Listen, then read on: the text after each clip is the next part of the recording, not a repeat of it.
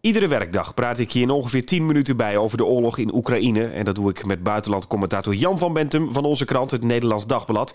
En dit is de update van vrijdag 18 maart over de gevolgen van deze oorlog, ook voor Rusland. Ja, Jan, goedemiddag. Goedemiddag. Logischerwijs gaat het veel over de situatie in Oekraïne. Maar morgen staat er in de krant een uitgebreide analyse van jouw hand in de krant over de gevolgen van deze oorlog voor Rusland. Um, ja, voordat we daar verder over praten, hoe is het op dit moment eigenlijk in Rusland? Weten we dat? Nou, steeds minder, omdat steeds meer onafhankelijke nieuwsmedia, bronnen en dergelijke zijn afgesloten. En omdat ook vrij veel mensen zijn gevlucht, mensen die daar actief in waren. Je hebt die beroemde actie gehad van die vrouw, die, die medewerker van het eh, Russische nieuws, zeg maar, die met een groot bord achter de presentatrice zei van jullie worden voorgelogen. Nou, die werd al heel snel opgepakt en die zal waarschijnlijk nog een rechtszaak uh, voor de kiezer krijgen, met mogelijk zelfs 15 jaar gevangenisstraf. Maar de, je, je ziet dat die bronnen steeds minder worden. Uh, Novaya Gazeta, een bekende oppositiekrant, is een tijd dicht geweest. Die was de, afgelopen dagen wel weer actief. Moscow Times gaat nog door, maar kijkt ook wel uit wat ze precies zeggen, want die kan heel snel op, uh, worden opgepakt. Uh, en er zijn gewoon veel mensen weg. Mensen die, die zich eerder hebben geuit, die bekend zijn. directeuren, intellectuelen, wetenschappers, die gewoon zijn vertrokken. Ja, want wat is dan de sfeer op dit moment in het land? Is iedereen voor die oorlog? Is iedereen tegen of weten we het niet? Nou, dat A, weet je niet precies waar, hoeveel mensen er voor of tegen zijn. Je had sowieso bijvoorbeeld in het oosten van Rusland al dik een jaar lang, eigenlijk al twee jaar lang, veel protesten tegen de centrale regering in Moskou. Een stad als Khabarovsk, waar toen ook Navalny naartoe was geweest toen hij vergiftigd werd onderweg in het vliegtuig. Maar je hebt ook heel veel protesten gehad in Moskou, Sint-Petersburg en andere steden. Er zijn zeker 13 en anderen zeggen al meer dan 15.000 mensen achter de tralies gezet. Dus dat is al behoorlijk wat. En er zouden tot misschien zelfs meer dan 200.000 Russen het land al zijn ontvlucht. Nou, kijken we natuurlijk heel sterk van hoeveel komen dan naar het westen. Maar de enige route daarvoor is, is Finland eigenlijk maar. En nog een paar die ook naar de Baltische Staten weten te komen. Maar de meesten gaan naar voormalige Sovjetstaten als Georgië, Armenië, Kyrgyzstan. Of ze vliegen door als ze veel geld hebben naar uh, de Verenigde Arabische Emiraten, Dubai, dat soort plekken.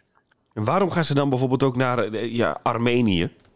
Georgië? Omdat dat veel goedkoper is. Je, kunt, uh, je kon tenminste vorige week nog voor een 300 dollar uit Rusland naar dat soort plekken vliegen. Die prijzen lopen met een rotgang op, ook omdat de roebel sterk is gedevalueerd. Uh, en omdat uh, de vliegtuigen gewoon bomvol zaten die kant op. Moscow Times wist mee te komen met een van die toestellen. En dat zat gewoon nokvol naar Georgië toe. En uh, die mensen die zeggen gewoon, het Rusland dat wij kennen, dat heeft opgehouden te bestaan. Het is weg. Ja, dat schrijf je ook in jouw analyse. Dat is best dramatisch. Ja, en dat zeggen niet alleen maar mensen die weggaan, dat zeggen ook mensen die er nog zijn. Bijvoorbeeld de directeur van het Russische International Affairs Council, de Raad voor Buitenlandbetrekkingen, uh, een advies- en een onderzoekscentrum. Uh, die schrijft ook van, joh, wij, wij zijn, nou even samengevat, want het was een heel uitgebreid artikel met allerlei punten wat Rusland nu voor zijn kiezen krijgt, internationaal. Maar we zijn de paria van de internationale gemeenschap geworden. Wij staan bekend als het land, als de internationale schurk. Die plek hebben we van China overgenomen. We krijgen te maken met een zeer kostbare en zeer langdurige wapenwedloop met het, met het Westen, los van de economische sancties. Uh, je krijgt te maken met een, een, volledige wetenschappelijke isolatie, zeker op het terrein van nieuwe technologische ontwikkelingen. Kortom, je vernieuwt de toekomst van Rusland. Ja, en, en, en in die zin verbaast het me dan wel dat er eigenlijk weinig mensen nog in opstand komen in Rusland zelf. Nou, dat is zeer risicovol. En uh, Poetin heeft net deze week die uh, televisietoespraak gehouden, waarin hij mensen die ook maar enige sympathie met het Westen koesteren, uitmaakte voor landverraders en tuig die uh, als een vlieg die je mond binnenvlie binnenvliegt, uitspuugt. Rusland zal zichzelf wel weten te zuiveren van dat soort lui. De Russische samenleving zal hen wel uitstoten. Dat is zijn gedachte en dat zal dan Rusland te helpen om zelf sterker te worden en stand te houden. Ook in die sancties die eraan zitten, of die er al zijn. Dan hebben we het dus over Poetin. In hoeverre hangt deze oorlog van één persoon af, namelijk hem? Heel sterk. Er zijn wetenschappers ook in het Westen die nog wel spreken met Russische collega's. En um, een van hen, uh, een Duitse wetenschapper, heeft gezegd van uh, Sabina Fischer heet ze, stief toen Wissenschaft toen Politiek. Deze man heeft het echt een, in eenzaamheid besloten. Dat kon je ook zien, bijvoorbeeld op het moment dat hij erover sprak met die Nationale Veiligheidsraad. Hij zat aan de ene kant van een gigantische praalzaal. En dan helemaal aan de andere kant van de zaal zaten zij. En moesten eigenlijk alleen maar beamen wat hij zei. Tegenspraak met niet geduld. Dan weet je letterlijk vernederd. Dus A, die kliek heeft zich op die manier min of meer medeplichtig gemaakt. En B, of ze moeten Poetin verraden, of ze gaan straks met hem ten onder. En daarmee staat de toekomst van Rusland wel op het spel. Vooral de jongere generatie zal zich daar zorgen over maken, denk ik. Die zijn ook de, vooral degenen die weggaan. De twintigers, dertigers, die vertrekken in grote getalen en hoogopgeleide uh, wetenschappers. Time Higher Education, dat is een vakblad, heeft bijvoorbeeld een aantal van hen gesproken. Ze zeggen allemaal bijna hetzelfde. Mijn Rusland bestaat niet meer. Het Rusland dat ik kende, waarvan ik hield, is weg. Uh, Moscow Times had een mooie kop van een uitspraak van een van hen. Ik hou van dit land. Ik haat deze staat. Dus de kans is wel voor de toekomst van Rusland dat deze mensen in het Westen of op andere plekken kennis en vaardigheden opdoen, zich verder ontwikkelen. En als Poetin verdwijnt, als dit regime instort, teruggaan naar Rusland toe. Er is ook een kans dat Rusland, de Russische Federatie, want er bestaat ook nog weer een deelrepublieken, denk aan Tsjetsjenië, Dagestan en dat soort dingen, dat het uiteenvalt, die federatie, zoals de Sovjet-Unie uiteenviel in 1991. Ja, want de vraag is ook, wat blijft er nog over van, van het Rusland waar nou, die, die jeugd dan naar verwijst? Hè? Van dat, dat is nu verdwenen. Als Poetin nog tien jaar aan de macht zou zijn, uh, komt dat dan ooit nog terug?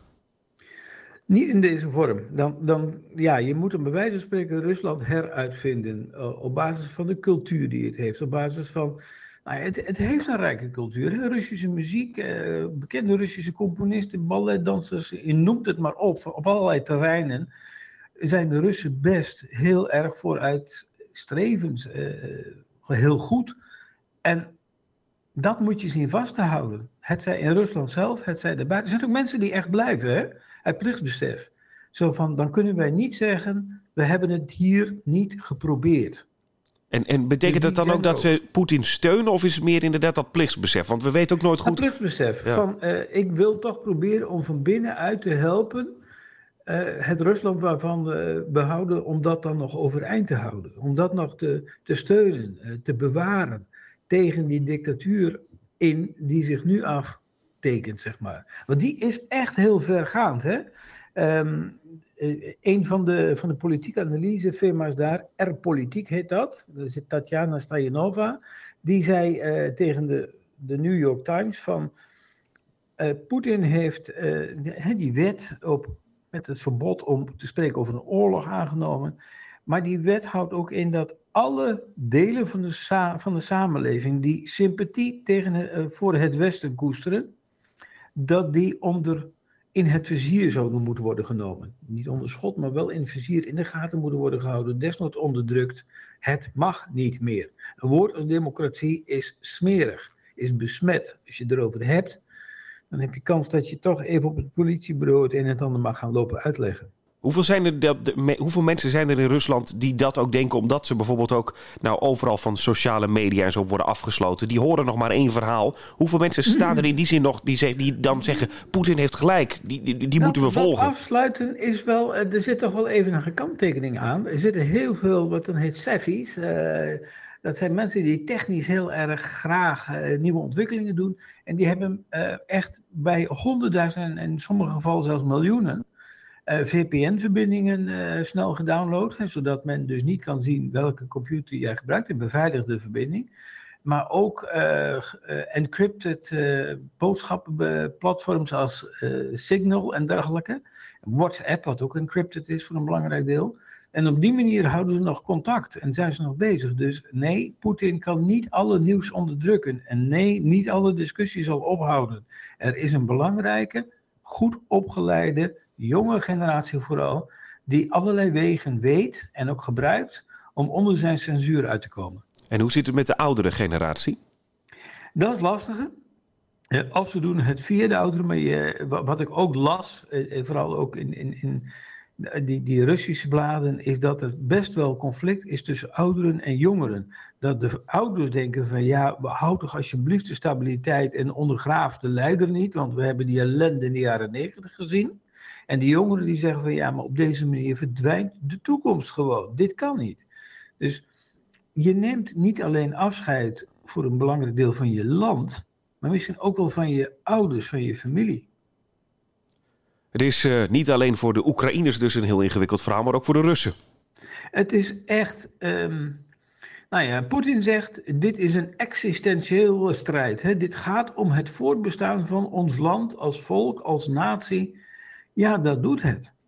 Alleen, welk volk, welke natie heb je het dan over? Heb je het over een natie dat die, die slaafs Poetin volgt? Of op, heb je het over een natie die zich op een toekomst wil richten waarin toch discussie kan zijn, vrijheid van godsdienst bestaat, vrijheid van meningsuiting, waarin mensen andere partijen mogen organiseren die er ook echt toe doen.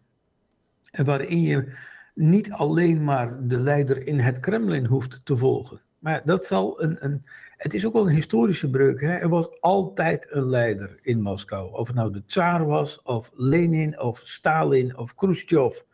Of later dan uh, meneer uh, Poetin dat was zeg maar de, de vader die Rusland leidde. En van dat denken zul je dan ook moeten afstappen.